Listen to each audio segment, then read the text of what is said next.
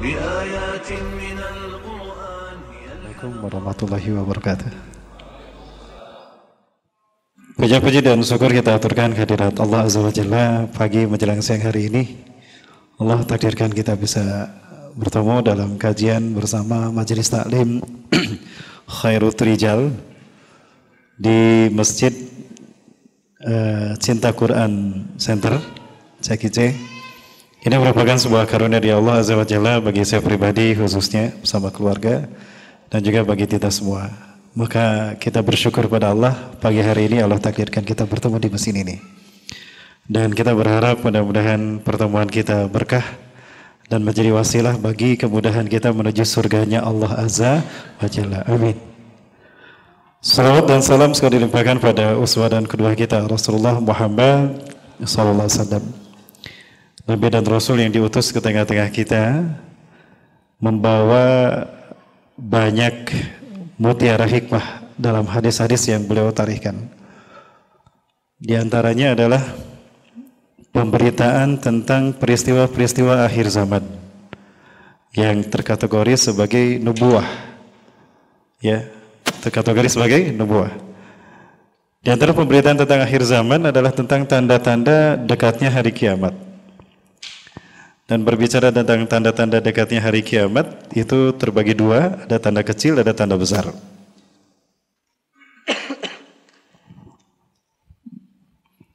Tanda kecil itu jumlahnya banyak sekali Bapak Ibu. Kurang lebih ada 165 kurang lebih. Dan ini bisa terus berkembang sampai 200 karena tiap ulama berbeda. Berbeda pembahasan. Nah, adapun tanda-tanda besar kejadian hari kiamat, Rasulullah justru membatasinya hanya 10. Ya, hanya 10 saja. Nah, di antara 10 tanda besar tadi adalah turunnya Ya'juj dan Ma'juj. Insya Allah pada kesempatan kali ini kita akan coba bahas tentang uh, siapakah Ya'juj Ma'juj dan kapan dia muncul dan adakah dia muncul di zaman kita wallahu alam Itu yang akan kita bicarakan bersama dalam kajian pada kesempatan kali ini. Yang saya hormati dan saya muliakan karena Allah, para pengurus uh, dari Majelis Talim Khairatul Rijal, yang saya hormati juga uh, pengurus Yayasan Cinta Quran Center, juga saya hormati MC kita pada kesempatan ini, Bang Zaldi, ya, MC akhir zaman ya. Belum MC akhir zaman, kalau saya Ustadz akhir bulan misalnya. Baik, dan juga yang saya hormati dan saya muliakan karena Allah, Bapak Ibu hadirin kaum muslimin rahimakumullah. Siapakah Ya'juj Ma'juj? Ini menjadi sebetulnya menjadi misteri bagi kita. Walaupun di dalam Al-Quran dijelaskan tentang Ya'juj Ma'juj, namun tidak eksplisit.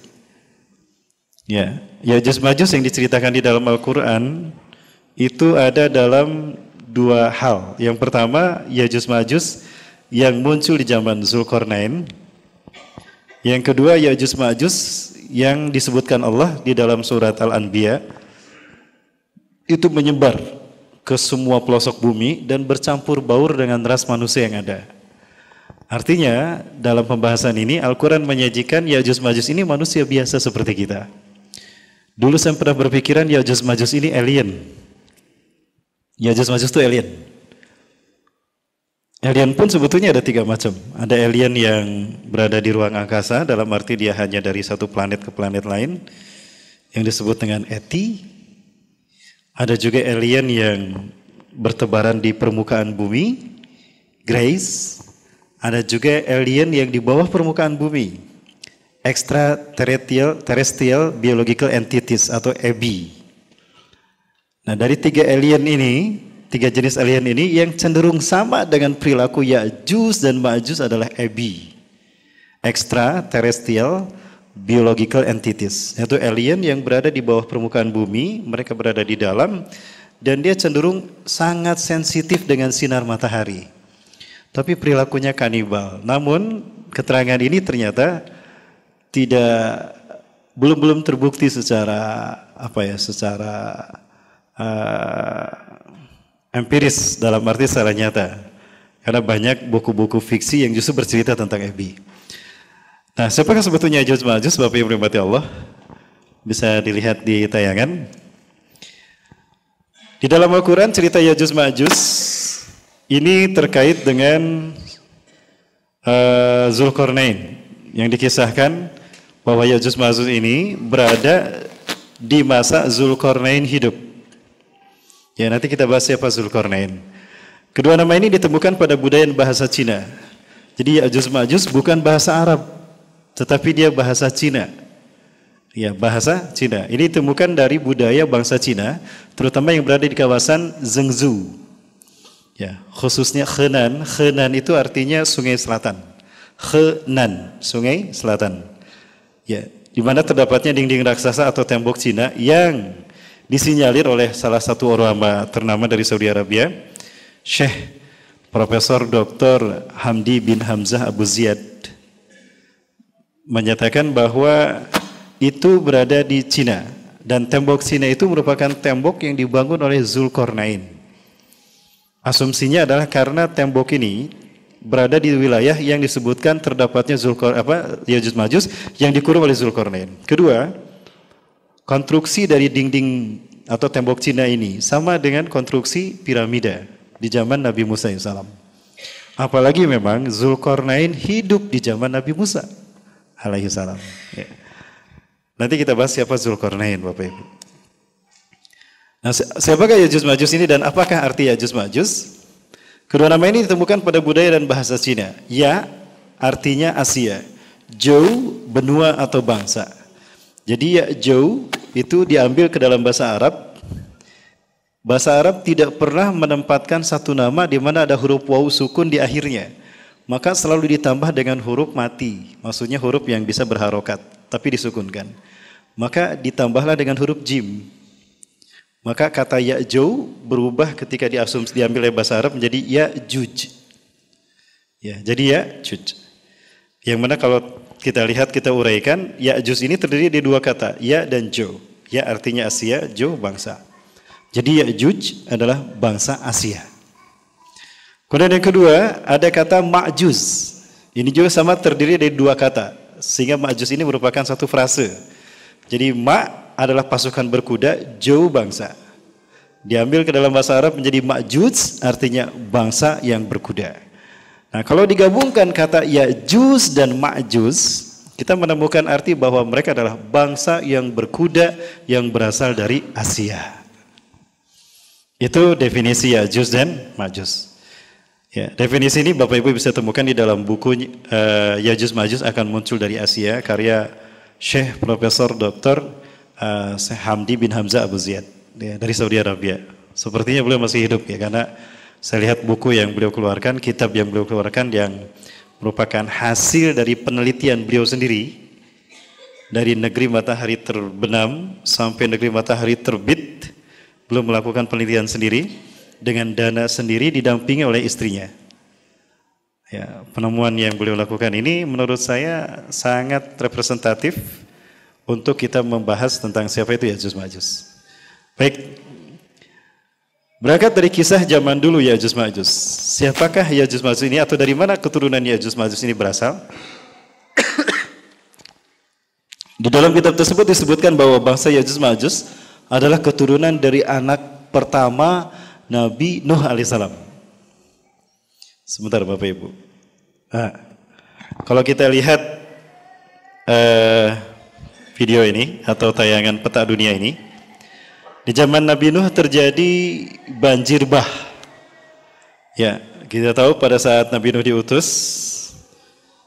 ternyata manusia melakukan penyembahan pertama kepada selain Allah. Sehingga Nabi Nuh adalah Rasul yang pertama. Bapak Ibu yang dimati Allah, Nabi Adam bukan Rasul. Nabi Adam itu cuma Nabi, belum Rasul. Beliau bukan rasul. Begitu pula Nabi Syith dan Nabi Idris. Mereka bukan rasul tapi nabi. Kenapa saya katakan demikian? Karena di zaman Nabi Adam sampai Nabi Idris diutus dan diangkat itu belum ada penyimpangan dari tauhid. Manusia masih menyembah Allah. Masih menyembah Allah.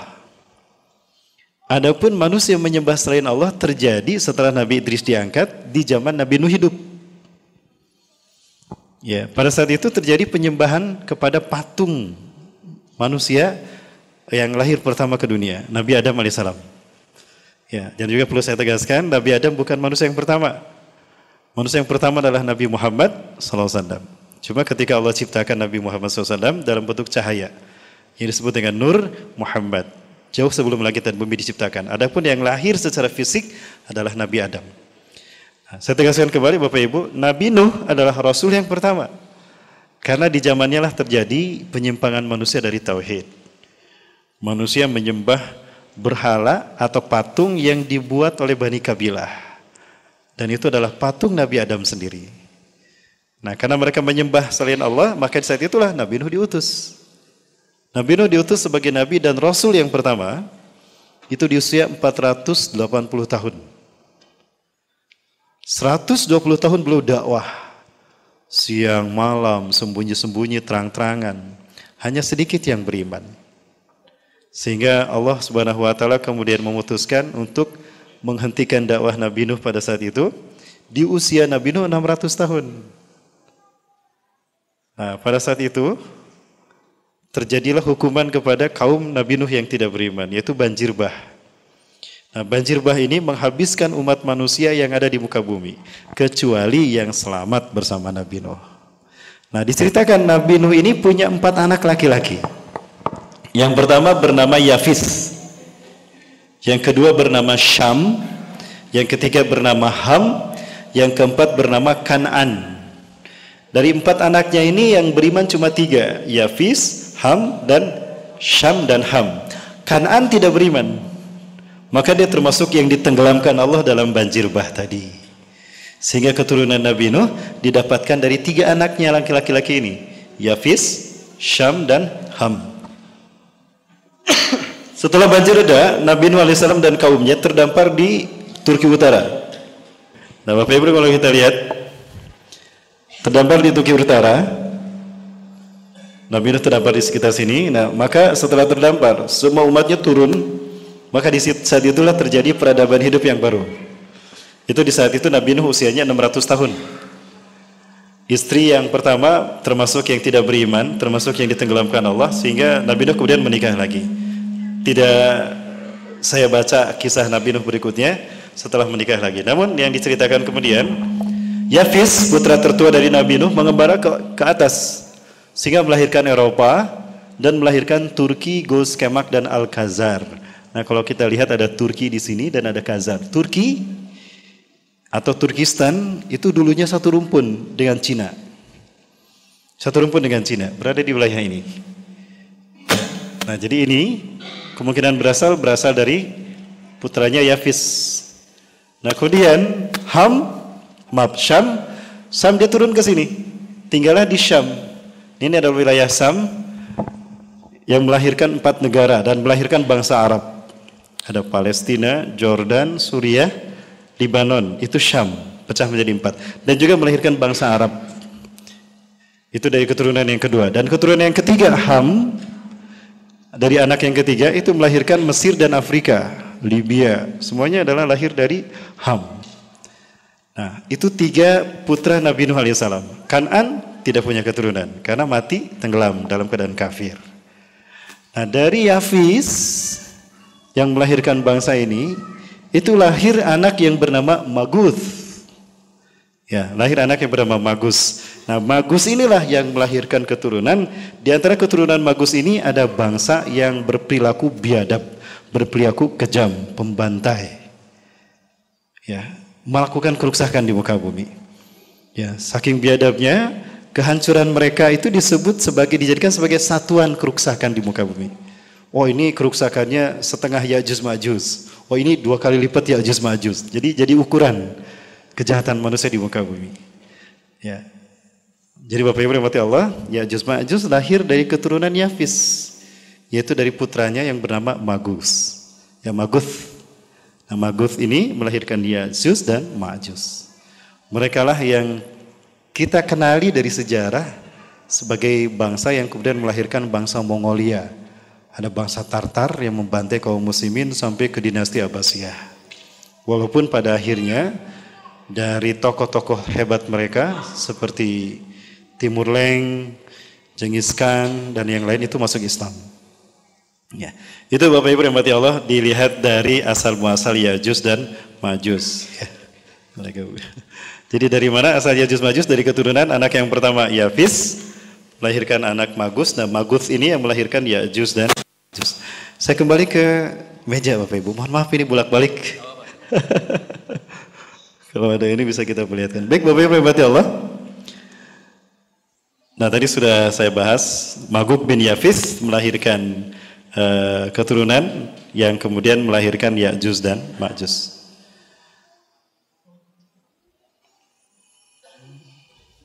Berbicara tentang Ya'juj Ma'juj tidak banyak diceritakan seperti apa kejahatannya di dalam Al-Quran. Nah maka kejahatan atau perilaku yang lain dari Majus Ya'juj ini kita dapatkan dari hadis Rasulullah SAW. Ya, maka penafsiran tentang Ya'juj Ma'juj ini membutuhkan hadis dan sejarah membutuhkan hadis dan sejarah. Kenapa kita membutuhkan hadis? Rasulullah SAW pernah mengatakan di dalam mukadimah tafsir Mukathir, Rasulullah SAW bersabda, Sunnati syarihatun lil Quran. Sunnahku adalah penjelas dari Al-Quran. Maka pembahasan tentang Yajus Majus kita membutuhkan juga hadis Rasulullah SAW untuk menguatkannya.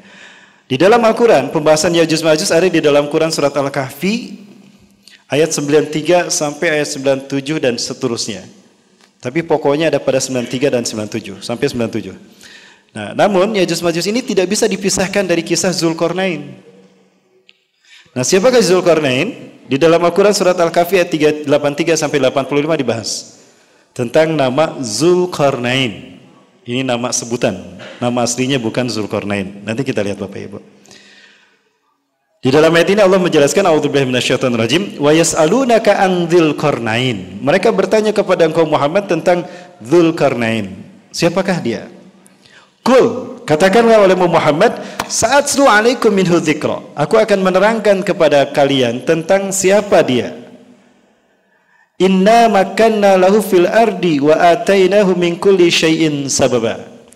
Inna sesungguhnya kami makanna makanna lahu kami menguatkan dia ya. kami memberikan kekuasaan kepadanya lahu fil ardi di muka bumi kalimat inna makanna lahu fil ardi ini menjadi satu uh, pembahasan ulama bahwa mereka beliau adalah orang pilihan Allah.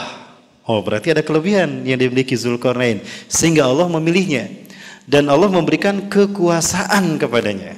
Kalimat makannahu, makannalahu artinya menguatkan dia dengan kekuasaan yang Allah berikan.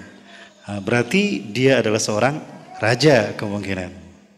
Seorang raja. Kemudian wa atainahu min syai'in sababa dan kami telah memberikan kepadanya jalan untuk mencapai segala sesuatu. Kalimat ini di, dinyatakan oleh para ahli tafsir Allah memberikan kepadanya ilmu yang sangat banyak, ilmu yang sangat tinggi dan dalam. Dan Allah memberikan kepadanya berbagai macam keahlian yang dibutuhkan sebagai seorang utusan. Yang Allah kuatkan dengan kekuasaan. Artinya dia memiliki kelebihan. Sehingga apa pun yang dia temukan, kesulitan apa pun yang dialami oleh umat yang ditemukan oleh beliau, itu selalu ada solusi. Termasuk solusi menghadapi Ya'juj dan Ma'juj. Ya. Fajbah sababa, maka dia pun menempuh satu jalan. Hatta idza balagha maghrib syamsi wajadaha tagrubu fi ainin hamiyatin. Hatta idza balagha sehingga apabila dia sampai maghrib syamsi tempat terbenamnya matahari. Satu tempat pertama yang disebutkan terkait dengan Zulkarnain, tempat terbenamnya matahari. Nah, ini banyak memicu para ulama ahli sejarah untuk melakukan eksplorasi ya penjelajahan di manakah tempat yang disebut terbenamnya matahari.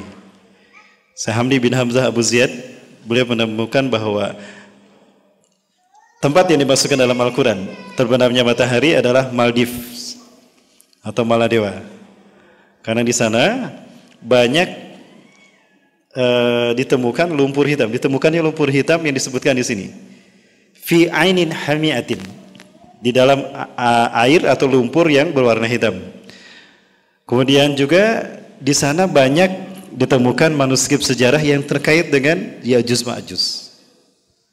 Juga ada silsilah-silsilah yang kalau diteliti ternyata nyambung ke ke Zulkarnain.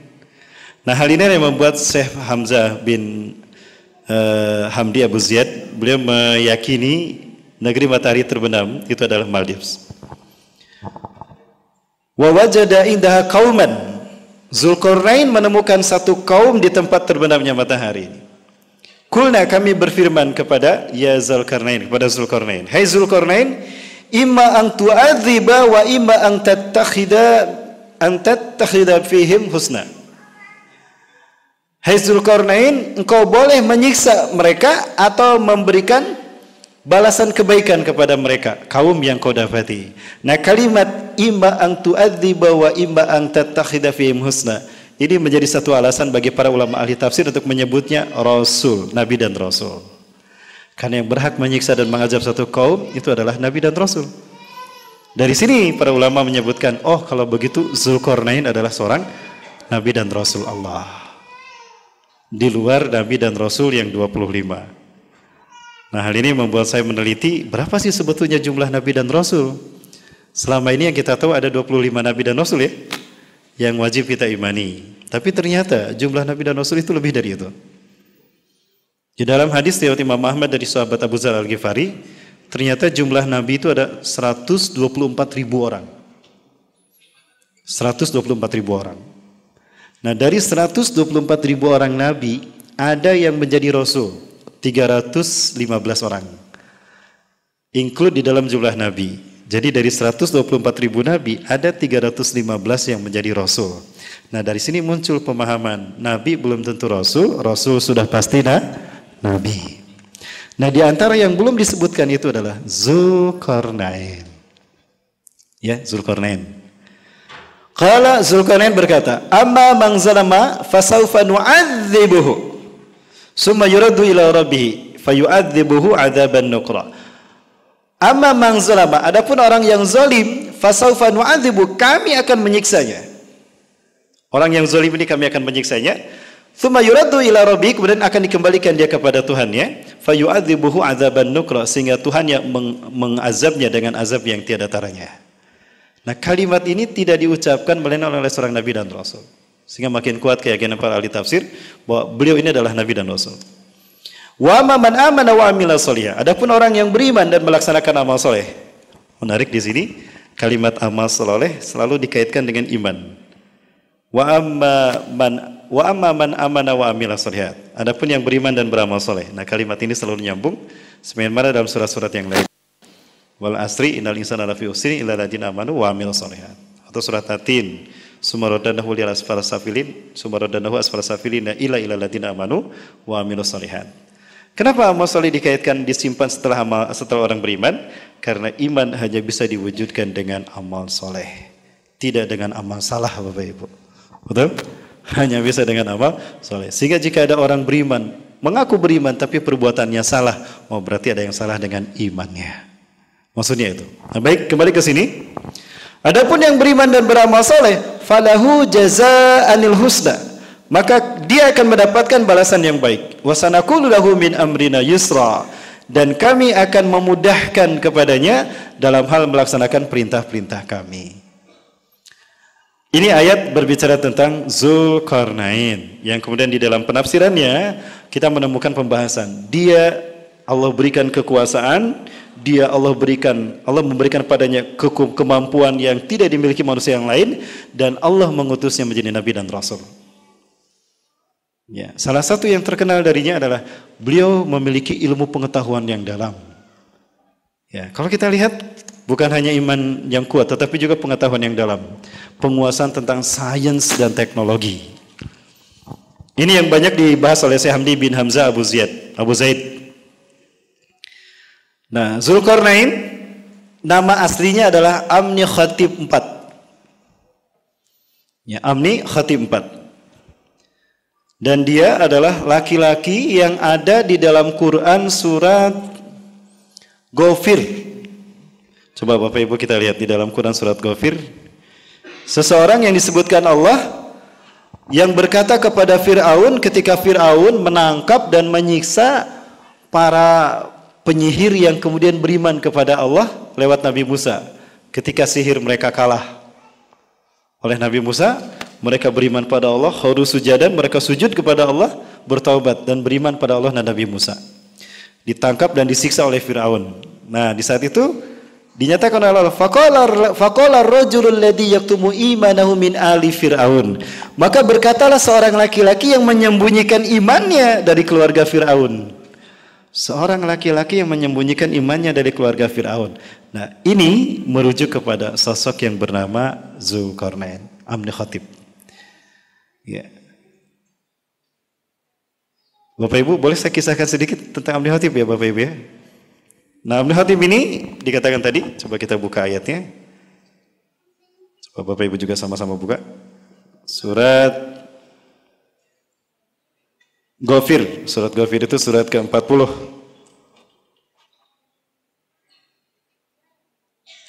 Saya agak lupa lagi ayat yang ke-28 atau berapa coba.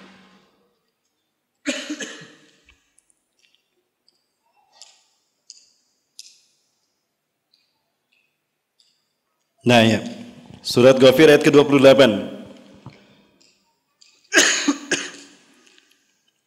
Surat ke-40. A'udzubillahi Wa qala rajulun dan berkatalah seorang laki-laki mukminun yang beriman min ali Fir'aun dari keluarga Fir'aun. Yaktumu imanahu yang menyembunyikan keimanannya. Kenapa imannya disembunyikan? Karena pada saat itu ketika menampakkan imannya itu bahaya. Kebahayaan resikonya adalah ditangkap dan disiksa, bahkan dibunuh.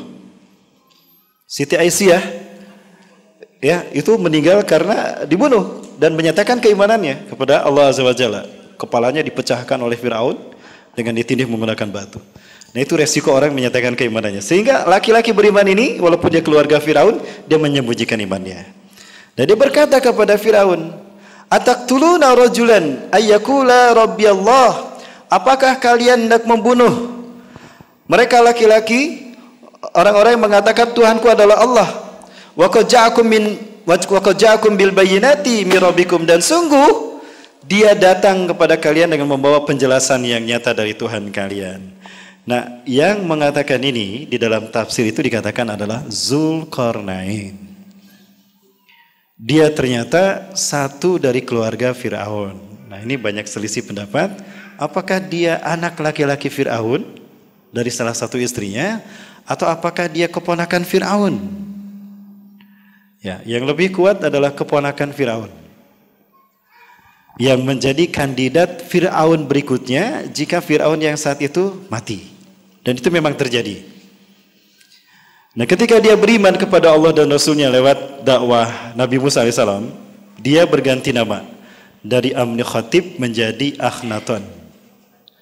Bapak Ibu pernah mendengar kata Amni Khatib?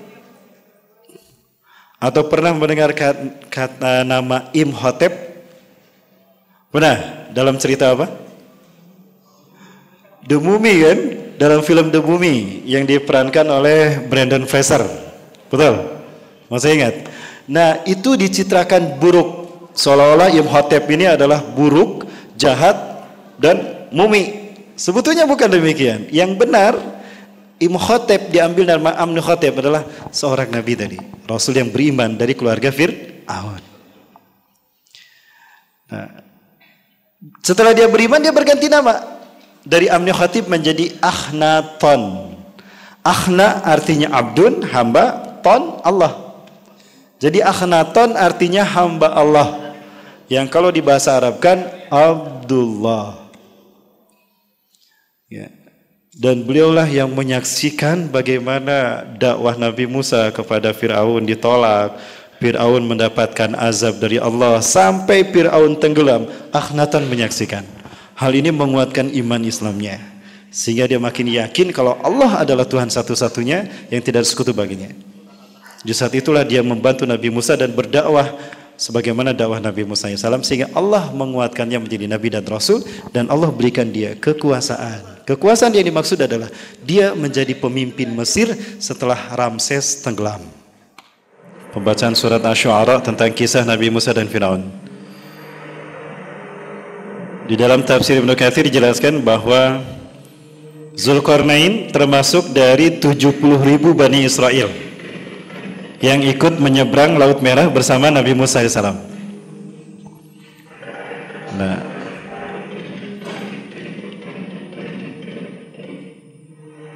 Itu ada satu riwayat. Namun riwayat yang lain juga mengatakan dia tidak mengikuti Nabi Musa. Tapi dia bertahan di Mesir karena dialah yang kemudian berkuasa setelah Firaun tenggelam. Nah kita lihat detik-detik bagaimana Firaun dan pasukannya tenggelam.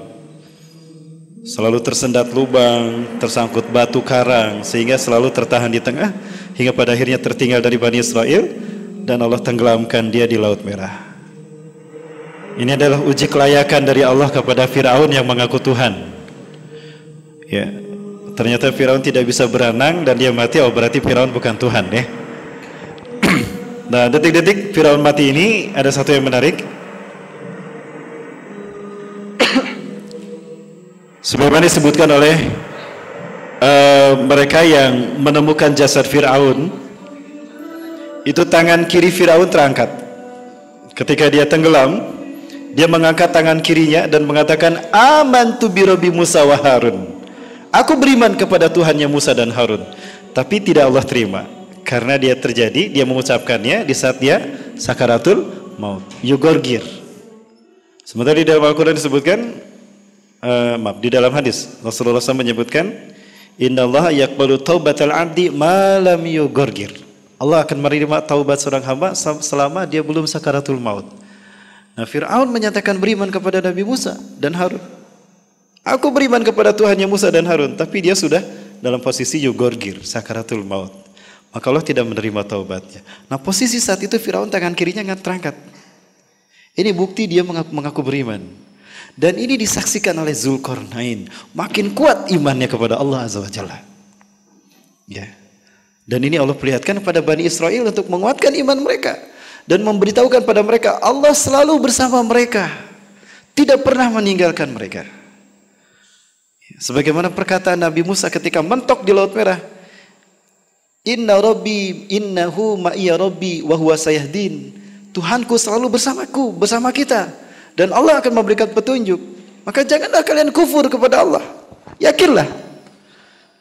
Sehingga Nabi Musa kemudian diperintahkan memukulkan tongkatnya ke lautan sehingga laut pun terbelah mujizat demi mujizat Allah berikan pada Bani Israel, tapi Bani Israel tetap ada yang bengal untuk tidak beriman pada Allah. Bahkan mempermainkan Nabi Musa. Padahal mujizat demi mujizat Allah berikan. Hal ini sebaliknya menguatkan iman Zulkarnain. Bapak Ibu berhati Allah, kalau Bapak Ibu lihat di situ, tangannya itu dibalut. Tangannya dibalut kemudian diikatkan. Jadi seolah-olah tangan Firaun itu tidak terlihat begini, tapi melipat begini. Namun ketika dibersihkan, ada rutin dibersihkan, itu dibuka jahitannya, apa, uh, ikatannya. Ketika ikatannya dibuka, tangannya begini lagi. Itu menunjukkan kalau Firaun beriman pada akhirnya. Bapak Ibu, liga cerita setelah Firaun tenggelam, mati, maka kekuasaan Mesir kemudian jatuhlah kepada Zulkarnain. Amnihotep IV atau Akhenaton. Ya. Dia disebut Zulkarnain Zu artinya punya. Kornain dua tanduk. Dia disebut Zulkarnain, ada bahasan begini perempuan. Raja-raja Mesir pada saat itu, stylish rambutnya, kepalanya itu pelontos, botak, tapi kemudian ada rambut yang dikepang. Ada yang cuma satu di kanan, ada yang satu di kiri, ada yang dua-duanya. Nah Zulkarnain itu pelontos rambutnya botak, tapi kanan kirinya ada rambut yang dikepang. Sehingga hingga seolah-olah terlihat seperti tan tanduk. Maka orang-orang menyebutnya Zulkarnain yang mempunyai dua tan tanduk. Begini di kepalanya. Nah setiap kali menggunakan pakaian perang dan topi perang, maka rambutnya itu dikeluarkan. Di saat dia menggunakan kuda, maka terlihat dua kepang rambutnya itu seperti tanduk. Maka disebutlah Zulkarnain yang mempunyai tanduk. Zu artinya mempunyai. Seperti di dalam Al-Quran, Wallahu zul fadlil azim. Zul fadli yang mempunyai keutamaan. Ya. Baik. Bapak Ibu mati Allah. Nah maka Zulkarnain naik tahta. Dia menjadi pemimpin Mesir saat itu menggantikan Ramses, Firaun yang tenggelam. Karena dia beriman kepada Allah, maka dia merubah Mesir yang tadinya paganis, bahkan menyembah banyak dewa dan mempertuhankan Firaun menjadi mempertuhankan Allah di masa kepemimpinan Zulkarnain. Dia mendakwahkan tauhid dan dia merubah istana yang bernuansakan syirik dengan istana dengan nuansa-nuansa ketauhidan. Simbol-simbol paganis disingkirkan, dihancurkan, dia ganti dengan simbol-simbol tauhid. Namun ini tidak diterima oleh para pembesar kerajaan Mesir. Bahkan ada patih-patih kerajaan Mesir yang sebelumnya patuh kepada Firaun, itu mereka bersatu membentuk persekutuan yang disebut dengan Rahorakti. Melawan kepada Zulkarnain. Sehingga Zulkarnain terdesak hingga dia memindahkan kekuasaannya ke kerajaan baru yang dia bangun murni bernuansakan Islam, bernuansakan tauhid. Nah, ini, Bapak Ibu mohon maaf ini saya saya panjang flashback ke Fir'aun Zulkarnain karena memang ceritanya dari sini. Nah, dia memindahkan kekuasaannya kalau tidak salah disebut Amunaptra atau Hamunaptra. Ya, di sana banyak uh, teka-teki atau memiliki bangunan-bangunan piramida yang uh, memiliki teka-teki ketika masuknya, dari mana membuka pintunya, mana kuncinya, kalau salah pijit tombol apa yang terjadi. Nah itulah desain dari Zulkarnain. Dia melakukan itu dalam rangka menjaga istananya agar tidak dimasuki oleh musuh dengan mudah. Ya kalau dalam film-film seperti film The Mummy ya, Bapak Ibu bisa melihat itu sebetulnya hasil dari karya Zulkarnain yang cerdas luar biasa. Dia pinter matematika, dia pinter sains dan teknologi. Mesir pada saat itu arsiteknya adalah Zulkarnain. Maka dia tidak dibunuh. Dia disayang oleh Firaun karena Firaun butuh kepada sosok Zulkarnain. Walaupun dia banyak tidak sependapat dengan Firaun tapi dia tetap menjaga imannya. Dan Firaun pun butuh dengannya karena dia cerdas, dia arsitek. Nah, Bapak Ibu mati Allah, setelah pun dia pindah kekuasaan, pindah kerajaan, lalu bernuansakan tauhid di sana bangunan kerajaannya, tetap kemudian diserang oleh mereka yang kufur dari pengikut Firaun. Sehingga hal inilah yang mendorong Zulkarnain pergi meninggalkan Mesir. Mengembara dia dari negeri matahari terbenam sampai negeri matahari terbit berdakwah. Nah, di situlah beliau berdakwah. Dari satu kaum ke kaum dia berdakwah. Bapak Ibu mati Allah, satu hal yang menarik terkait dengan negeri matahari terbit tadi dan negeri matahari terbenam. Itu jalurnya kalau kita tarik lurus itu akan melalui Indonesia. Ya kembali pada Zulkarnain.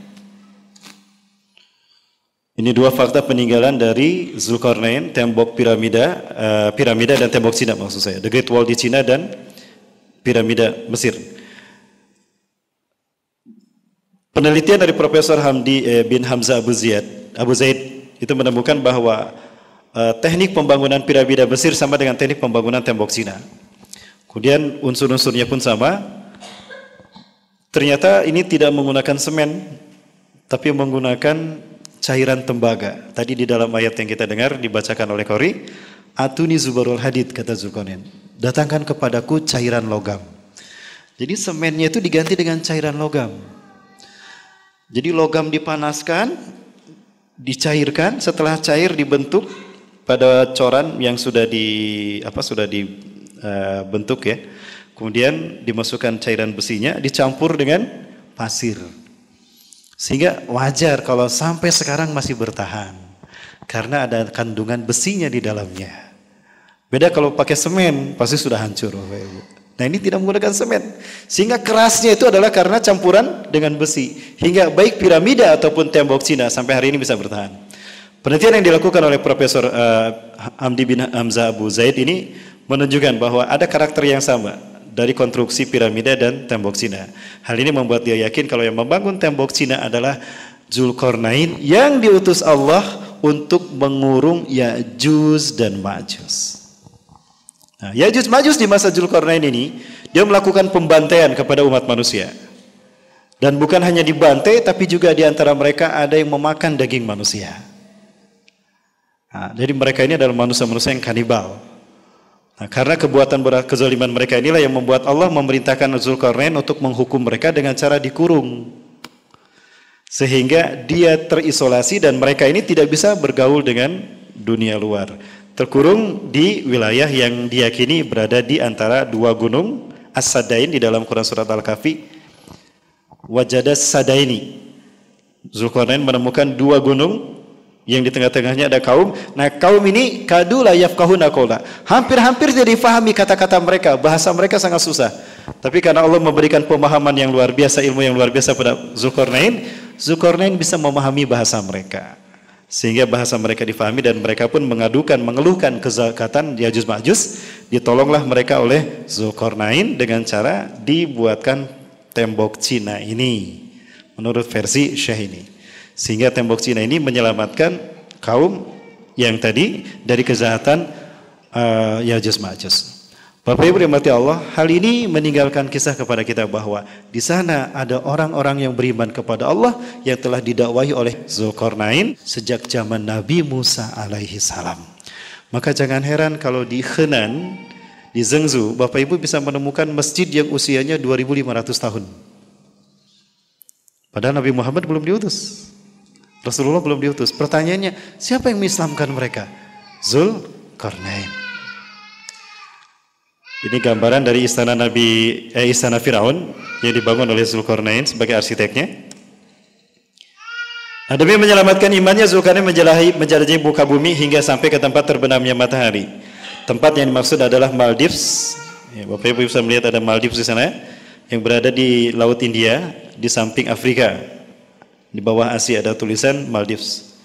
Itu disinyalir sebagai tempat di mana negeri matahari terbenam yang disebutkan di dalam surat Al-Kahfi. Nah, kemudian negeri matahari terbit menurut Syekh ini adalah wilayah Kiribati, bukan Jepang, tapi wilayah Kiribati. Dari sini jelas sekali terlihat bagaimana matahari itu terbit. Nah, di kepulauan Kiribati inilah Syekh Hamdi bin Hamzah Abu Zaid menemukan kaum yang mereka beriman muslim dan mereka faham betul kisah Zulkarnain. Bahkan mereka mengklaim keturunan dari Zulkarnain. Nah, ini yang membuat yakin Syekh Hamdi bin Hamzah Abu Zaid bahwa negeri matahari terbit yang dimaksudkan adalah kepulauan Kiribati yang Bapak Ibu bisa lihat itu di belakang Papua Nugini berdekatan dengan New Zealand. Nah, kalau kita lihat itu ada garis lurus dari Maldives ke Kiribati. Betul? Lihat dengan panah yang warna apa itu warna pink. Nah, panah itu Bapak Ibu sekalian, sebentar lagi saya coba. Nah, panah ini itu lurus dari negeri matahari terbenam sampai negeri matahari terbit. Berarti melalui Indonesia. Saya sampai berpikiran begini, mohon maaf kalau pikiran saya salah Bapak Ibu tolong diluruskan. Kalau bentuknya lurus seperti ini, kemungkinan besar Indonesia dilalui kan rutenya oleh Zulkarnain. Berarti Zulkarnain pernah dakwah ke Indonesia kalau begitu, ke Nusantara. Maka jangan salah kalau ternyata Indonesia ini punya sejarah Islam yang tua. Berbeda dengan sejarah Islam yang selama ini kita pahami masuk ke Indonesia di abad ke-11, abad ke-12, kerajaan Samudra Pasai. Saya kira itu tidak tidak relevan dengan kisah-kisah Nabi yang lain, terutama kisah Zulkarnain. Nah dari sini Bapak Ibu sekalian kalau kita lihat kemungkinan lain jalur yang ditempuh selain jalan darat uh, jalur lurus dari negeri matahari terbenam sampai negeri matahari terbit itu ke atas yaitu ke Cina. Yang menyebabkan dia bertemu dengan Ya'juj dan Ma'juj baru turun. Setelah dia mengurung Ya'juj Ma'juj turun ke Kiribati.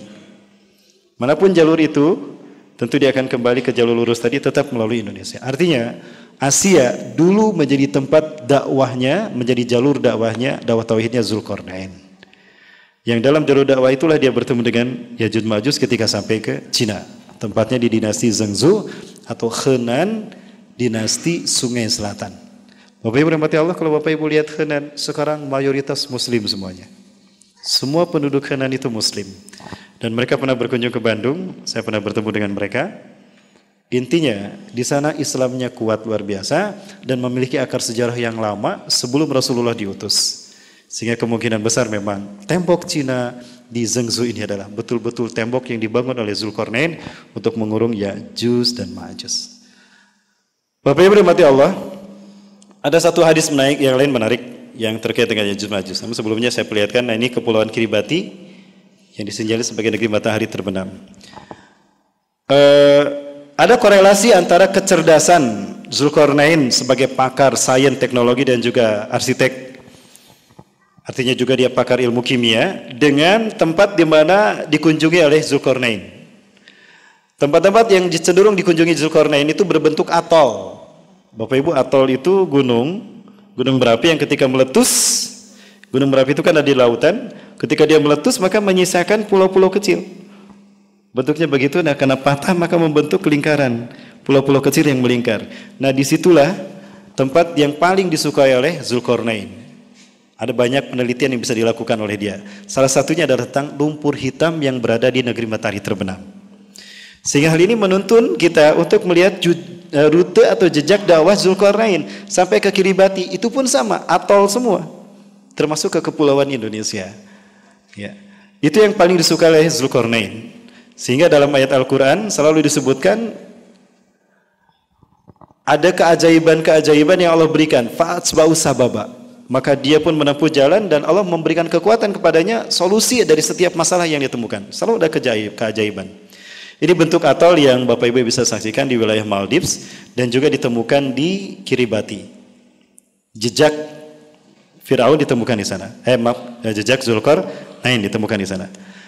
Baik, Bapak Ibu Allah, selesai kisah Zulkarnain di zaman dulu.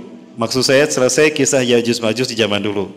Jadi kisah Yajuz Majus di zaman dulu yang diceritakan Al-Quran Satu terkait dengan kisah Zulkarnain Yajuz Majus dua bangsa yang melakukan pembantaian dan kerusakan di muka bumi Pertumpahan darah membantai manusia Dan Allah hukum mereka dengan diutusnya Zulkarnain Untuk menghukum mereka dan menyiksa mereka Dan mengurung mereka dalam satu tembok, dalam satu tempat yang dikelilingi dengan tembok besi yang kemudian diperkirakan itu adalah tembok Cina.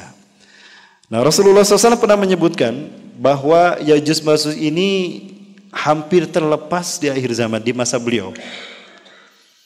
Artinya ada peluang di mana Yajus Majuj ini akan terlepas dari kurungannya sehingga dia keluar bertemu dengan umat manusia, maka mereka bercampur baur dengan ras manusia. Nah, hal ini memberikan dua hikmah kepada kita. Satu, Ya'juj Ma'juj ini bangsa manusia, bukan alien.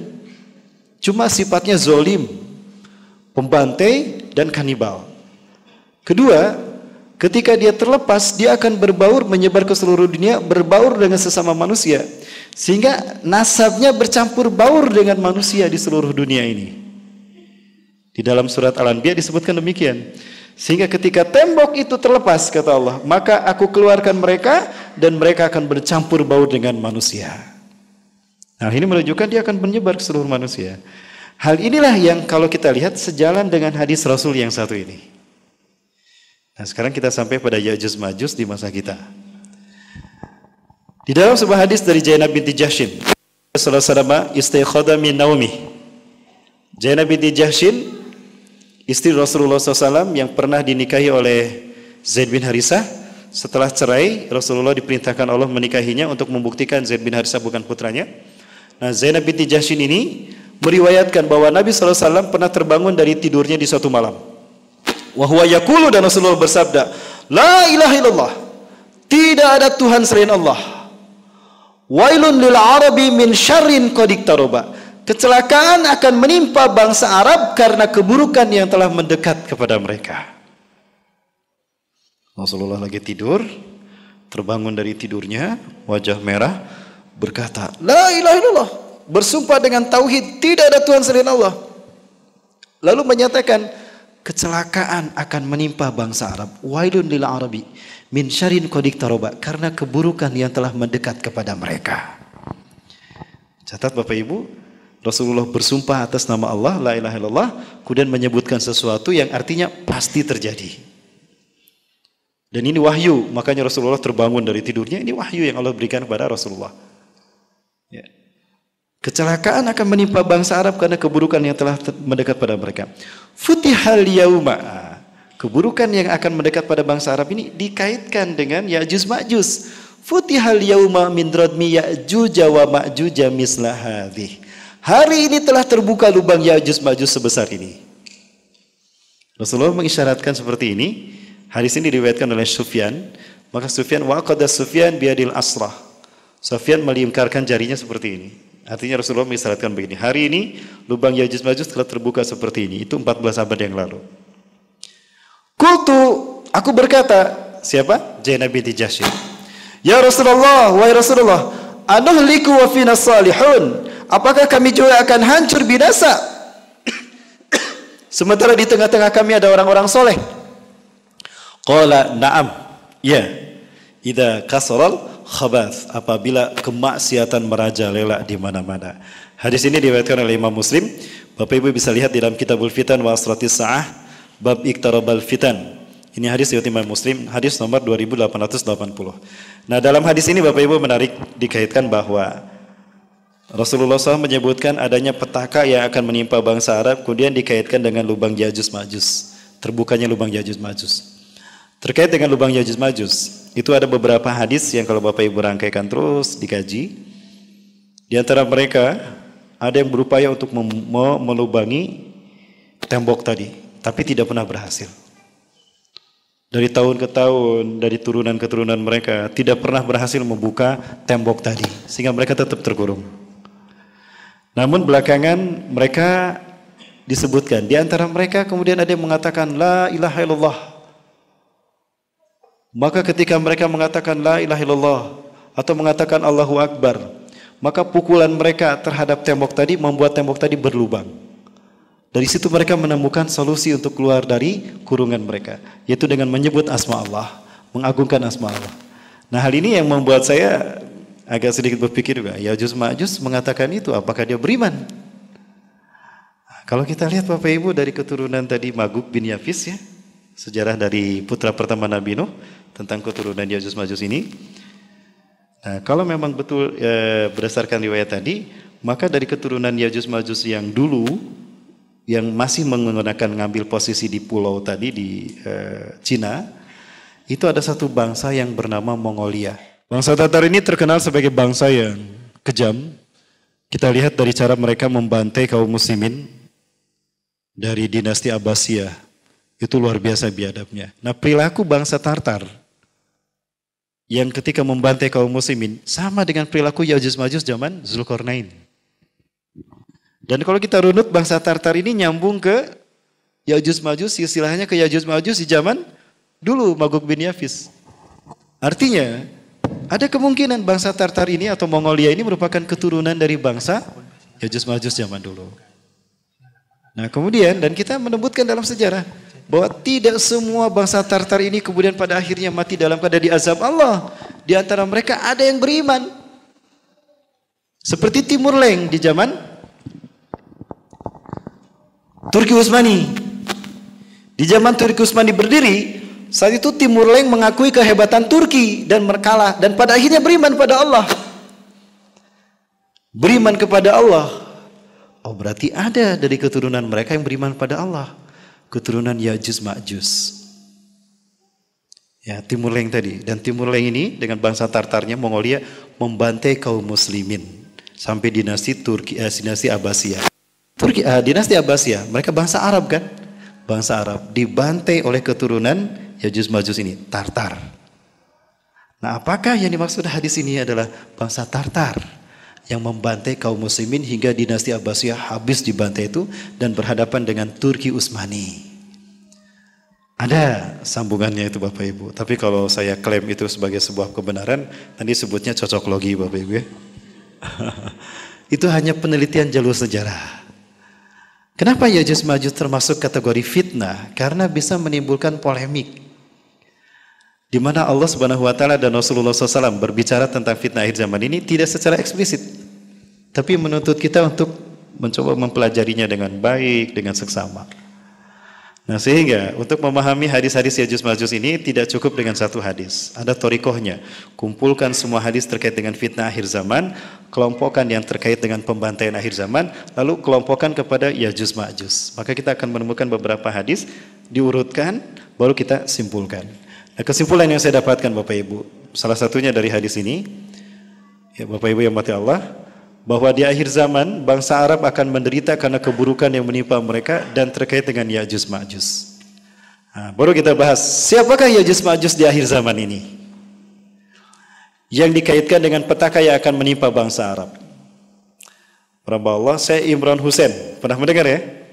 Seorang syekh dari eh, Trinidad. Tobacco, usia 70 tahun, pernah bercerita tentang Yajus Ma'jus. Di mana menurut pendapat dalam paparan beliau, Yajus Ma'jus ini terkait dengan Anglo-American dan bangsa Khazar. Ini tidak salah Bapak Ibu. Kalau Bapak Ibu lihat silsilah bangsa Amerika, itu kan sebetulnya bukan pendatang asli Amerika. Amerika, Bapak Ibu kalau kita lihat didirikan oleh kaum uh, Yahudi. Mereka adalah Freemason. Keturunan dari dinasti Rothschild, Rockefeller dan dinasti 12 dinasti Yahudi yang mereka melahirkan kelompok yang disebut dengan Yahudi Ashkenazim. Mereka lah yang menjadi founding father dari Amerika. Artinya, Freemason adalah mereka yang menjadi founding father dari berdirinya Amerika. Salah satu dari mereka adalah anggota Freemason yang bernama George Washington. Ya, semua pakar uh, politik dunia mengatakan Amerika adalah negara masonik pertama di muka bumi yang dipimpin oleh seorang anggota Freemason pertama di Amerika sana, yaitu George Washington. Nah, dari perilaku Amerika kita lihat mereka melakukan pembantaian kepada umat manusia di Irak, mereka membantai Irak kan, kemudian Somalia juga membantai kaum muslimin di Afghanistan. Ini menunjukkan perilaku mereka membantai. Perilaku ini nyambung dengan perilaku Ya'juj Ma'juj. Sehingga tidak salah kalau saya Imran Husain mengatakan mereka bisa jadi menyebar membentuk Amerika. Ya, karena perilakunya seperti itu. Nah, tadi kita membahas di dalam surat Al-Anbiya, Allah menyebutkan Ya'juj Ma'juj itu nanti akan menyebar menjadi berbagai macam ras manusia. Salah satunya Anglo-Amerikan. Kemudian dari wilayah Turkistan, Cina, ada juga yang disebut dengan Kors Kirismen yang juga kita kenal dengan nama Rusia, kita kenal juga dengan nama Turkistan, kita kenal juga nama Khazar. Itu satu rumpun dari keturunan Yafis. Nah, kalau kita urai sekarang, Turkistan itu melahirkan wilayah Turki. Bapak Ibu rahmati Allah, ada satu yang harus kita luruskan terkait dengan bahasa kata Cina dan Turki. Ketika Rasulullah SAW menyebut Turki, maka hari ini kita mendapati Turki yang Rasulullah SAW sebutkan itu Cina hari ini. Di mana ketika Rasulullah SAW menyebutkan salah satu hadisnya, Innakum satagzuna Turka. Sungguh kalian di akhir zaman akan memerangi Turki. Loh, kok Rasul menyebut Turki? Sementara kita hari ini mendapati Turki itu Muslim kan pemimpinnya, betul? Bahkan cenderung melakukan perlawanan kepada kebijakan Amerika yang zalim, berani menentang Barat. Bahkan cenderung seolah-olah menjadi simbol kebangkitan Islam di Eropa. Turki hari ini. Tapi Rasulullah menyebutkan di akhir zaman kalian akan berperang dengan Turki. Kalau saya hanya membahas pada hadis itu saja, bingung saya. Loh, kalau Rasul menyebutkan Turki. Lalu saya hari salin dicari lagi Bapak Ibu. Ternyata ada hadis yang menyebutkan ciri-ciri bangsa Turki ini. Satu, pakaian mereka berbulu dari kulit binatang. Dan sandal-sandal mereka berbulu. Oh berarti mereka tinggal di daerah yang dingin bersalju. Kedua, saya temukan hadis lain tentang Turki adalah mereka ciri-ciri wajahnya satu sigorol ayun, sipit mata mereka. Juludum ahmar, kulit mereka merah. Zungfal unuf, hidung mereka pesek. Wabujum kal majadil mutrokoh dan wajah mereka lebar seperti tameng. Ah, dari situ kita bingung menyebutkan Turki yang mana ini? Nah, kalau kita lihat sejarah Turki, ternyata dulunya bukan berasal dari Eropa, tapi berasal dari satu rumpun tadi. Keturunan Yafis Magub, Magub tadi. Ya, keturunan Yafis Magub dan melahirkan Yajuj Majuj dan melahirkan mereka. Jadi Rusia, Turki, Cina, Mongolia dan Kazaria itu satu rumpun.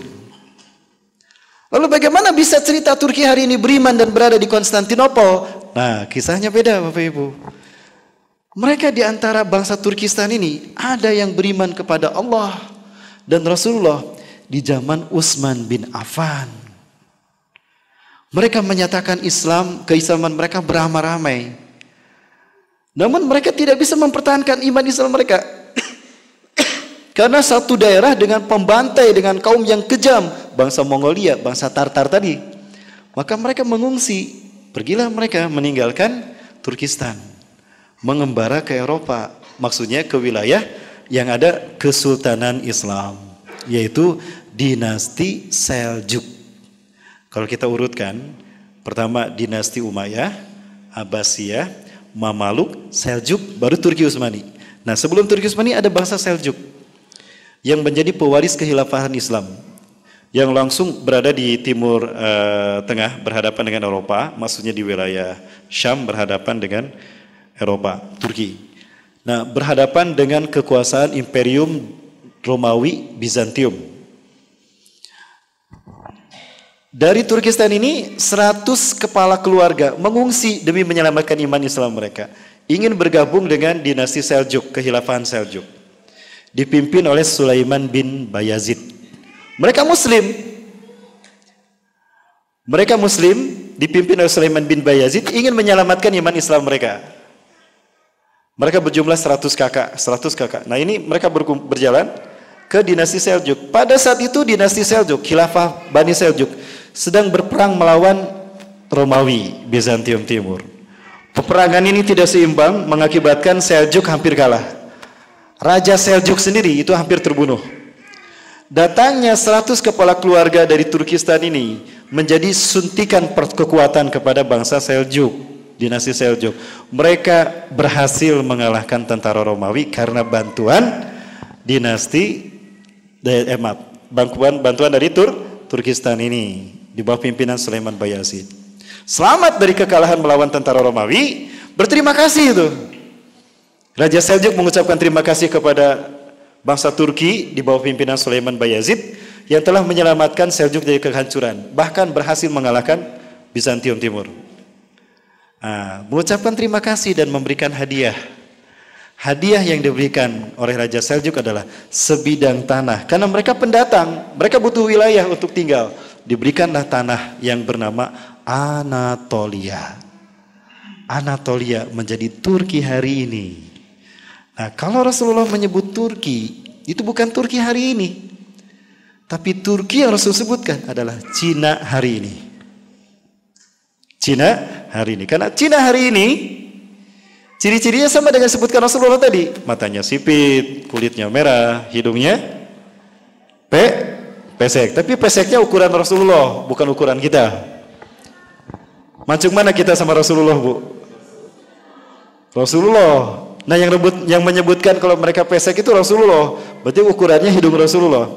Kita sama Rasulullah disebutnya pesek bukan? Ya kita. Jadi ukuran hidung mereka ukuran hidung kita. Berarti hidung bangsa mereka sama dengan kita. Nah hal ini cenderung kepada bangsa Cina hari ini. Nah kemudian kalau ke Turki hari ini Rasul tidak menyebutnya Turki. Tapi Rasulullah menyebutnya Konstantinia atau Konstantinopel. Jadi jangan salah memahami hadis Bapak Ibu ya. Ketika Rasul menyebutkan Turki, oh Cina. Lalu Turki hari ini siapa yang Rasul sebutkan Rasulullah? Rasul menyebutnya Konstantinia. Yang kedua, Cina yang disebutkan Rasulullah bukan Cina hari ini. Tapi Cina yang Rasul sebutkan adalah mereka yang beriman kepada Allah Azza wa Jalla. Rasulullah SAW pernah menyebutkan utlubul ilma walau bisin. Tuntutlah ilmu walaupun harus ke negeri Cina. Kok Rasulullah menyebutkan Sin Cina? Karena di antara mereka ada yang sudah beriman pada Allah. Ada yang beriman pada Allah. Yang tadi diislamkan oleh Zulkar. Nain. Nyambung lagi ke situ Bapak Ibu. Dan lupakah kita? Dalam satu penemuan sejarah bahwa ketika Utsman bin Affan menjadi khalifah. Di saat akan membuat Quran, kertasnya dari mana? Kertasnya dari Sin tadi. Ya, kalau kita lihat sin yang dimaksudkan Rasulullah itu hari ini adalah Uighur. Uighur, Bu. Mereka beriman pada Allah. Jadi dulu Cina itu muslim. Daratan muslim. Datang bangsa Mongolia yang menjadi keturunan Ya'juj Ma'juj dulu membantai mereka. Mongolia tidak beragama kan? Ate, ateis. Mereka lah yang menguasai Cina daratan hari ini. Berarti Cina hari ini itu keturunan dari Mongolia. Mongolia keturunan dari Yajus dan Majus. Ya. Tadi kata surat Al-Anbiya mereka menyebar. Setelah tembok itu terbuka, mereka menyebar ke seluruh dunia. Jadi ada kemungkinan temboknya sudah terbuka mendekat setelah Rasulullah wafat, kemudian temboknya terbuka, menyebar ke seluruh dunia, menjadi bangsa-bangsa yang bercampur dengan ras manusia. Salah satunya, selain Amerika, adalah Mongolia, Tartar yang kita sebut Cina hari ini. Adapun Cina Muslim terusir. Ada yang tadi ke Anatolia menjadi Turki hari ini, Konstantinopel kata Rasulullah. Ada yang bertahan di sana tapi di pinggiran. Ada Uighur, ada Yunan, ada Zhengzhou. Itu Muslim semua Bapak Ibu. Yang terusir dan mereka lah yang dibantai oleh Cina hari ini. Nah, adapun Cina hari ini Rasulullah menyebutnya Tur Turki. Dua hadis menyebutkan mereka. Satu, innakum satagzuna turka. Utruku turka ida yatsrukukum. Sesungguhnya kalian akan memerangi Turki. Tinggalkan bangsa Turki apabila mereka meninggalkan kalian. Tapi jika mereka menghancurkan kalian, perangi mereka. Siapa Turki yang dimaksudkan Rasulullah? Lihat hadis yang lainnya. Nah, ternyata ada hadis lain. Disebutkan Turki yang Rasul sebutkan ciri-cirinya. Satu, mereka berbaju penuh dengan bulu. Bahkan sendal mereka berbulu. Oh, berarti mereka menggunakan kulit binatang yang penuh dengan bulu. Berarti mereka tinggal di daerah dingin. Cina dingin juga kan? Kemudian mata mereka sipit kata Rasulullah. Kulit mereka merah, hidung mereka pesek, wajah mereka lebar. Oh, berarti bangsa Cina hari ini. Adapun Turki yang kita sebut hari ini, Rasulullah menamakannya Konstantin ya. Nah, Bapak Ibu yang dimati Allah, terkait dengan hadis ini, kemungkinan besar salah satu Ya'juj Ma'juj adalah bangsa Cina hari ini. Untuk mengenalnya. Tapi Ya'juj Ma'jujnya bukan yang asli, yang K, KW. Yang KW, Pak. Kenapa saya sebut KW? Dajjal aja ada KW-nya kan? Betul Dajjal ada KW-nya? Jangankan Dajjal, Nabi dan Rasul aja ada KW-nya kan? Iya, Rasulullah pernah bersabda begini. Saya khruju fi akhir zaman dajjalun. Akan muncul dajjal-dajjal palsu di akhir zaman. Dajjalun Rasulullah menggunakan waw nun. Artinya jumlah mereka banyak. Hum qaribun min salasin. Jumlah mereka ada 30 orang. Kurang lebih 30 orang.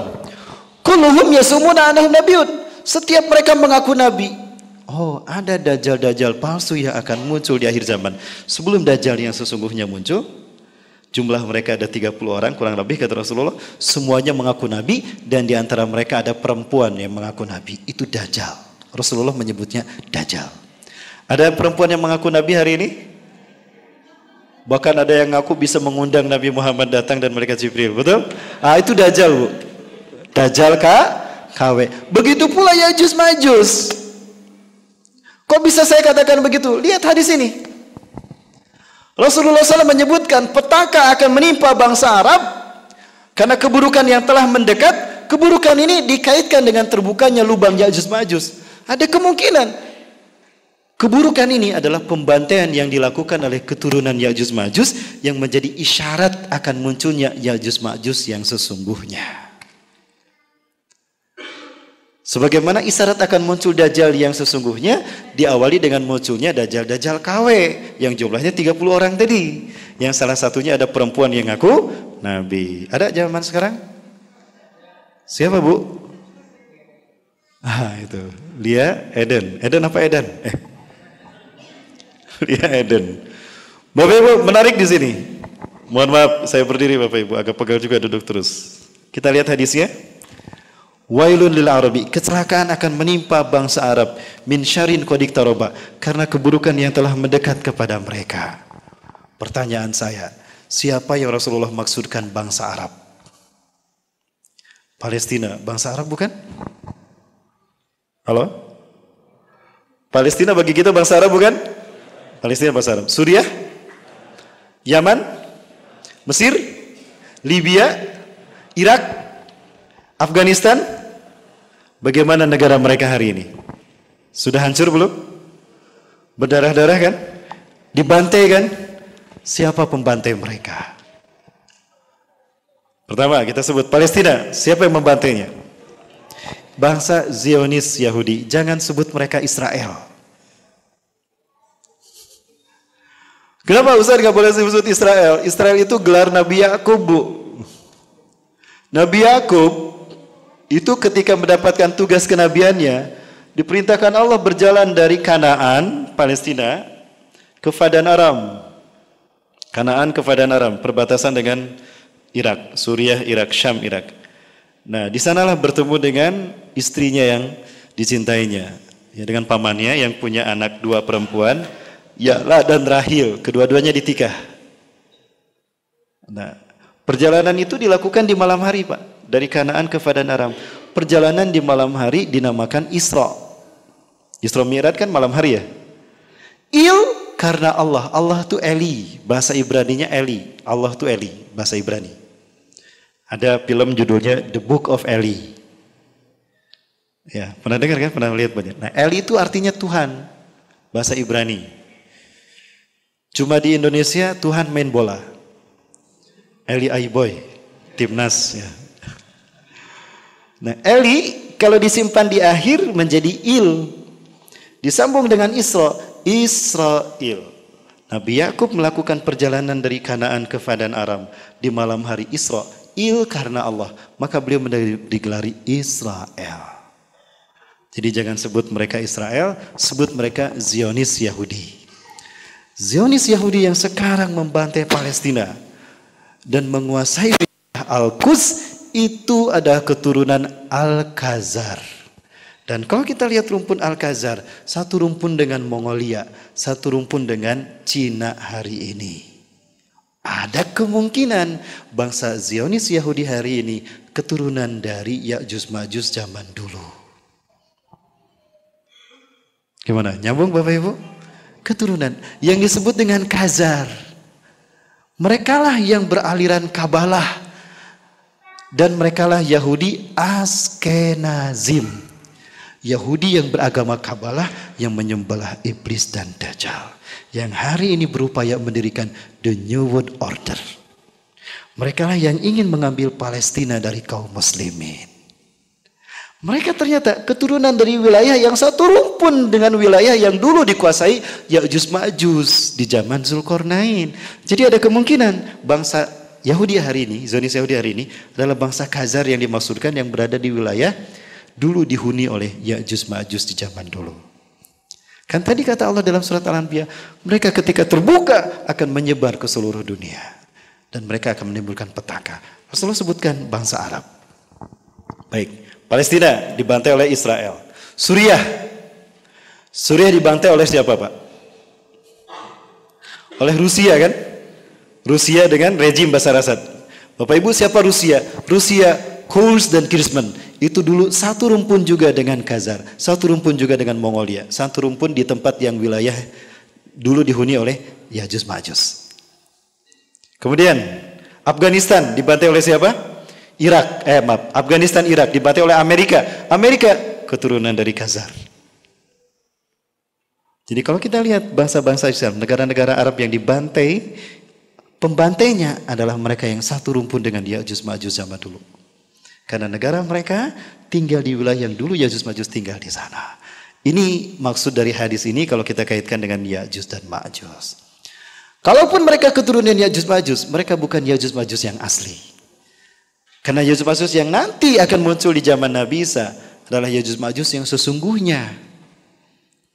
Yesus Majus yang sesungguhnya. Artinya pembantaian yang dilakukan oleh bangsa yang menjadi keturunan Yesus Majus zaman dulu itu akan nyambung sampai kepada yang munculnya Yesus Majus yang di akhir zaman nanti.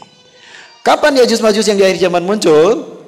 Setelah Imam Mahdi ada dan Nabi Isa turun ke tengah-tengah umat Islam. Kapan itu terjadi? Wallahu a'lam bishawab. Baik Bapak Ibu berarti Allah, uh, berikutnya saya menyampaikan kapan Yajuz Majuz yang terakhir itu muncul. Di dalam 10 tanda besar hari kiamat, Yajuz Majuz merupakan tanda yang muncul setelah Nabi Isa turun. Artinya sebelum Yajuz Majuz turun, Nabi Isa sudah ada duluan. Di manakah uh, pertemuan Yajuz Majuz dengan Nabi Isa itu akan terjadi?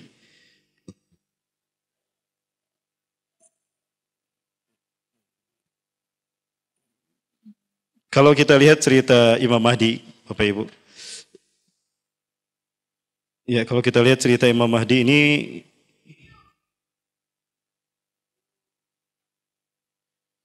kita bisa menemukan pembahasan hadis-hadis terkait dengan perang demi perang.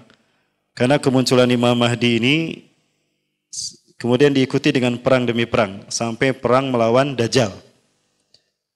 Nah setelah perang melawan Dajjal ada peristiwa Yajus Majus turun.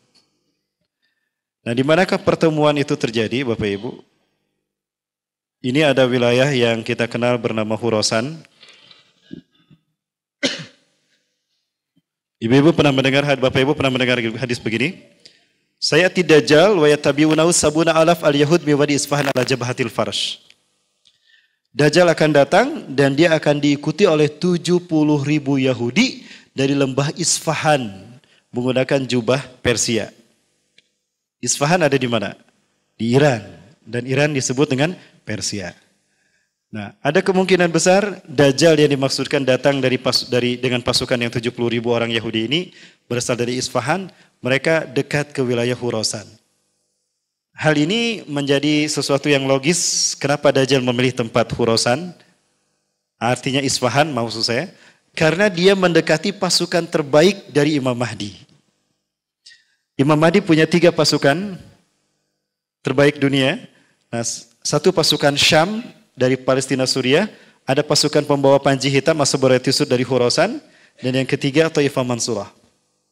Ini kemungkinan besar Asia dan ini kemungkinan besar Indonesia, Taifah Mansurah. Nah, para pembawa panci hitam ini disebutkan Rasulullah dari Hurosan.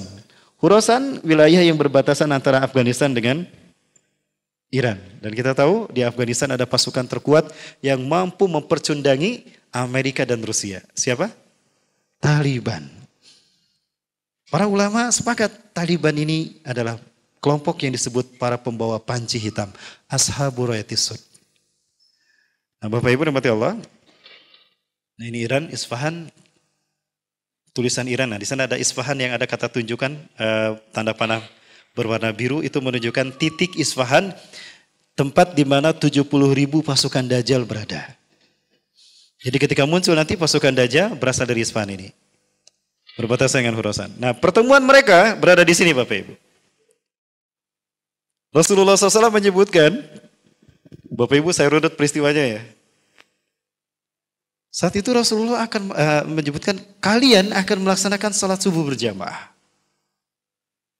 Ya. Wa imamukum minkum dan imam kalian adalah dari kalangan sekalian sendiri. Maksudnya Imam Mahdi.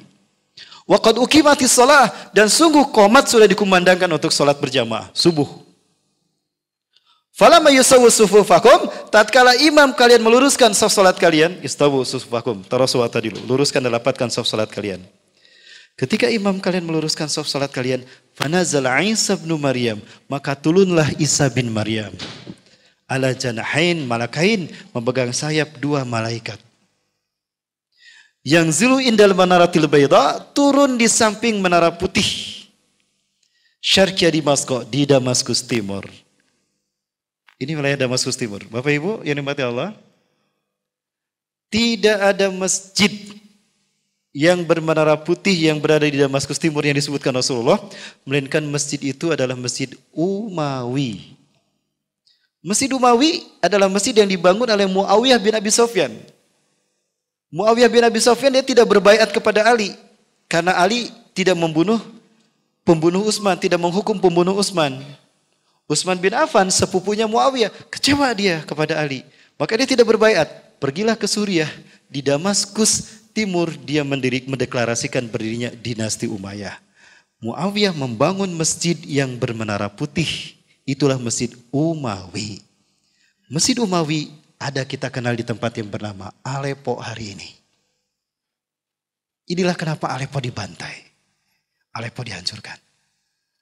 Ya, Nah di Aleppo inilah terdapat masjid yang bermenara putih tadi. Nah di sini pertemuan Imam Mahdi dengan Nabi Isa alaihissalam. Nabi Isa turun, Imam Mahdi mengatakan, Ta'ali ya Nabi Allah, salilana. Mari Imam kami, Imam, Nabi Allah mari. Imam, Imam Mahdi mundur. Ketika Imam Mahdi mundur, ternyata Nabi Isa datang menghampiri Imam Mahdi dan mendorong. Mendorong Imam Mahdi ke depan. La takodam hadihi ukimat Didorong tuh Imam Mahdi ke depan. Tidak. Kamu ke depan. Solat ini dikumandangkan untukmu. Wakot hadi ukimat selaka. Salat ini dikumandangkan untukmu. Wa inna ba'dakum libadin umara. Sebagian kalian menjadi pemimpin bagi sebagian yang lain. Tukramatul hadil ummah. Kemuliaan dari Allah yang diberikan pada umat ini. Artinya apa? Imam Mahdi memimpin sholat, Nabi makmum di belakang Imam Mahdi. Ini kemuliaan orang yang mengamalkan Quran sunnah di akhir zaman. Luar biasa. Nabi makmum di belakangnya. Selesai sholat berjamaah, Nabi Isa mengatakan iftahil bab, buka pintu masjid itu. Ketika pintu masjid itu dibuka, maka tampaklah Dajjal dengan 70 ribu Yahudi Isfahan tadi. Oh berarti di sinilah bertemunya Nabi Isa, Imam Mahdi dengan da, Dajjal dan pasukan 70 ribu tadi. Rasulullah SAW menyebutkan harum tubuhnya Nabi Isa itu apabila dicium itu bisa terjangkau sampai sejauh mata memandang. Saya summa ila tarfin akan tercium sampai sejauh mata memandang harum tubuhnya Nabi Isa. Wa idza yasumul kafirun matu bagtatan. Jika orang kafir menciumnya, mati seketika. Luar biasa. Saking harumnya, bukan saking baunya. Kalau keringat saya saking baunya, pingsan orangnya. Kalau ini saking harumnya. Ini ini penjelasan terakhir Pak ya. Kita detik-detik bertemunya Nabi Isa dengan Ya'juj Majus yang sesungguhnya. Nah, ketika pintu itu dibuka, harum tubuhnya Nabi Isa. menghantau pasukan Yahudi yang 70 tadi. Pasukan yang di depan mati seketika. Plek, plek, plek, plek, plek. Karena harum tubuhnya Nabi Isa tercium oleh mereka. Sisanya lari tunggang langgang. Dikejar sama pasukan kaum muslimin. Walaupun mereka bersembunyi balik batu dan pohon. Batu dan pohon berkata. Ya muslim, ya mumin, ya Abdullah Ta'an. Filwari dia uktulu. Sini di belakangku ada Yahudi. Bunuh dia. Kecuali pohon gorgon. Fainah syajaratul Yahud. Karena dia adalah pohon Yahu, Yahudi. Adapun Dajjal, dia merinding ketika melihat Nabi ada di depan, ada di dalam. Dia mengalir keringatnya dengan deras mengucur, "Lau yatsrukuhu lama tabi nafsi." Andaikan Nabi SAW membiarkan Nabi eh, Dajjal tidak dibunuh, dia akan mati dengan sendirinya. Tapi Allah menghendaki Dajjal mati di tangan Nabi Isa agar fitnah terkait dengan Nabi Isa yang dikatakan Dajjal itu akan terjawab. Lari Dajjal. Ke mana pun Dajjal lari, Nabi Isa selalu ada di depannya. Mau ke mana kamu? Lari ke barat, Ait. Mau ke mana kamu? Stres Dajjal tuh Pak Bu. Ke mana pun dia lari, Dajjal itu selalu ada Nabi Isa di depannya. Sampai terdamparlah di pintu lut Bapak Ibu. Pak, saya bisa diklik. Mohon maaf, bisa diklik. Aduh punten, saya nyuruh sama MC Bapak Ibu. Oh ada ini ya? Oh iya, saya lupa ada ini. Ya, Inilah Masjid Umawi tadi, Bapak Ibu yang hari ini berada di Aleppo. Nah ini pintu gerbangnya. Kemungkinan nanti 70 ribu orang Yahudi Isfahan tadi bersama Dajjal ada di sini. Nah, ini hadis yang tadi saya sampaikan, ceritanya panjang. Ya, ini hadis di dalam kitab Sahih Muslim. Bapak Ibu, satu hadis, satu hadis lima halaman bayangkan. Menceritakan tentang peristiwa ini. Ya. Kemudian Nabi Isa akan membunuh Dajjal hingga dia menjumpainya di pintu Lut, lantas dibunuhnya Dajjal fayaktuluhu uh, fayak fayaktuluhu Isa bin Maryam ad-Dajjal. Ya, kemudian Isa datang kepada satu kaum yang di, yang telah dilindungi oleh Allah dari fitnah Dajjal. Lalu Isa mengusap wajah mereka dan memberitahu mereka tentang derajat mereka di surga. Kata Nabi Isa, anta min ahli jannah, anta min ahli jannah, anta min ahli jannah. Inna makana kafil jannah. Pasukan yang terbaik tadi. Setelah Dajjal mati di pintu Lut. Nah, setelah itu Rasulullah SAW kemudian menyebutkan. Lalu mereka berjalan di wilayah Syam tadi. Maka ketika tiba di malam hari itu, Isa bin Maryam mendapatkan wahyu dari Allah bahwa Ya'juj Ma'juj akan turun menghampiri mereka. Maka seketika itu Isa bin Maryam memerintahkan mereka untuk bersembunyi di benteng-benteng yang kuat dan kokoh. Maka Isa bin Maryam bersama kaum muslimin pun dan Imam Mahdi bersembunyi di malam itu dari kejahatan Ya'juj Ma'juj. Fayang julu Ya'juj Ma'juj mimakanin ala suratan. Maka Ya'juj Ma'juj kemudian turun dari tempat yang tinggi dengan sangat cepat.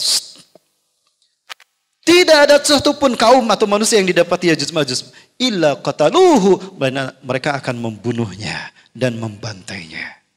Sehingga habislah wilayah tadi dari manusia yang masih hidup. Oleh Yajuz dan Majuz. Lalu Yajuz Majuz mengatakan di antara mereka ada yang mengangkat tombaknya dan melihat ke langit. Di antara Yajuz Majuz itu ada yang melemparkan tombaknya ke langit. Orang itu, Yajud Majud itu mengatakan, semua penduduk bumi ini telah kita bunuh. Padahal tidak semua Bapak Ibu. Karena masih ada manusia yang lain. Artinya manusia yang ada di wilayah itu sudah habis. Maksudnya yang di wilayah Syam tadi.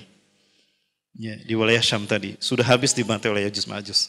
Yang tersisa adalah Nabi Isa, Imam Mahdi dan pasukan kaum muslimin yang ada bersembunyi. Berarti tinggal penduduk langit yang harus kita habisi. Maka di antara mereka yang melemparkan tombaknya ke langit. Lalu tombak itu pun kembali dengan berlumuran darah, kata Rasulullah SAW. Lalu Allah menghukum Ya'juj Ma'juj dengan turunnya ulat dari langit. Hujan ulat menimpa mereka. Ya'juj Ma'juj ini ditimpa hujan ulat, mereka merunduk. Maka tidak salah kalau Rasulullah menyebutkan fayadkhulu ijajasadi Ya'juj Ma'juj min anukihim. Maka ulat-ulat tadi memasuki menjalar dalam tubuh Ya'juj Ma'juj lewat unuk pundak mereka. Hujan ulat mereka begini kan? Melindungkan kepala mereka dari ulat. Lalu ulat itu mereka masuk dari punduk. Ada yang masuk ke otak, memakan otak mereka. Ya'juj Ma'juj. Ada masuk ke paru-paru, ke dada, masuk memakan paru-paru dan jantung mereka. Ringkas cerita Bapak Ibu, itulah habisnya cara Allah menghabiskan Ya'juj dan Ma'juj di malam itu. Bayangkan saking dahsyatnya kekuatan Ya'juj Ma'juj, Nabi Isa saja tidak berani menghadapi mereka. Dan ini adalah fitnah terakhir yang menimpa umat Islam di akhir zaman. Habis itu Ya'juj Ma'juj, di waktu subuh telah selesai sholat dilaksanakan, sholat berjamaah selesai dilaksanakan, Nabi Isa berkata, Aku minta salah seorang di antara kalian memastikan kalau Ya'juj Ma'juj telah pergi meninggalkan kita. Faqama rajulun alladhi yasta'id bil maut bis syahid.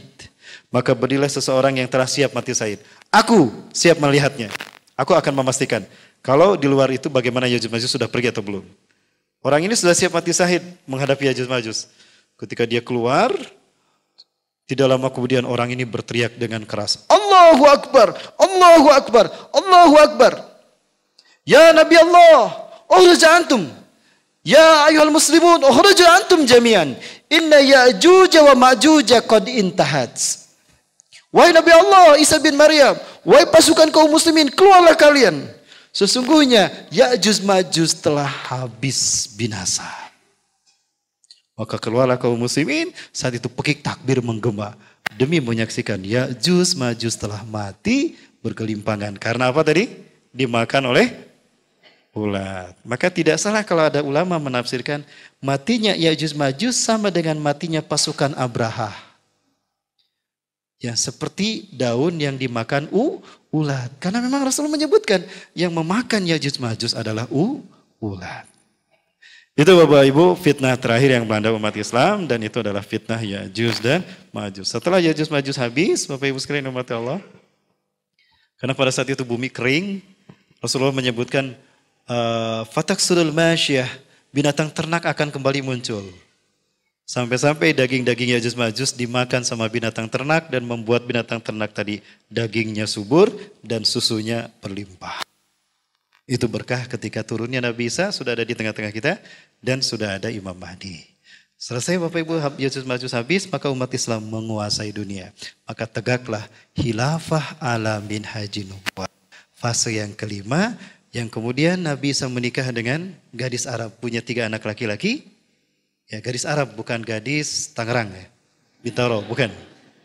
Gadis Arab punya tiga anak laki-laki. Kemudian Imam Mahdi meninggal dunia disolatkan oleh kaum muslimin dipimpin Nabi Isa, kalau tidak salah dimakamkan di Syam. Kemudian Nabi Isa membayat, mengangkat kaum muslimin untuk membayat Al-Qahtani sebagai khalifah yang terakhir. Lalu Nabi Isa meninggal dunia, dimakamkan di samping kuburan Umar bin Khattab, jadi berjajar kuburan Rasulullah, Abu Bakar, Umar, Nabi Isa. Setelah itu mencabut nyawa orang beriman dengan angin iliin yang berhembus dari Hijaz antara Mekah dan Madinah akan ada angin lembut yang mencabut nyawa orang beriman. Walaupun imannya hanya sebesar biji sawi, akan dicabut angin ini sehingga habis orang beriman di muka bumi. Walaupun imannya sebesar biji sawi. Maka yang tersisa di muka bumi adalah makhluk yang buruk, yang tidak punya iman walau sebesar biji sawi. Mereka lah yang akan menyaksikan kiamat terjadi. Maka kiamat pun terjadi dan selesailah kehidupan kita di muka bumi. Maka selesai pula ceramah saya pada siang hari ini. Ya barangkali Bapak Ibu kisah Yajus Majus yang coba saya sambungkan berdasarkan dalil dan sejarah. Terima kasih dan mohon maaf apabila kekurangan yang benar dari Allah. Yang salah kudepan saya pribadi dan saya bersikap. Assalamualaikum warahmatullahi wabarakatuh.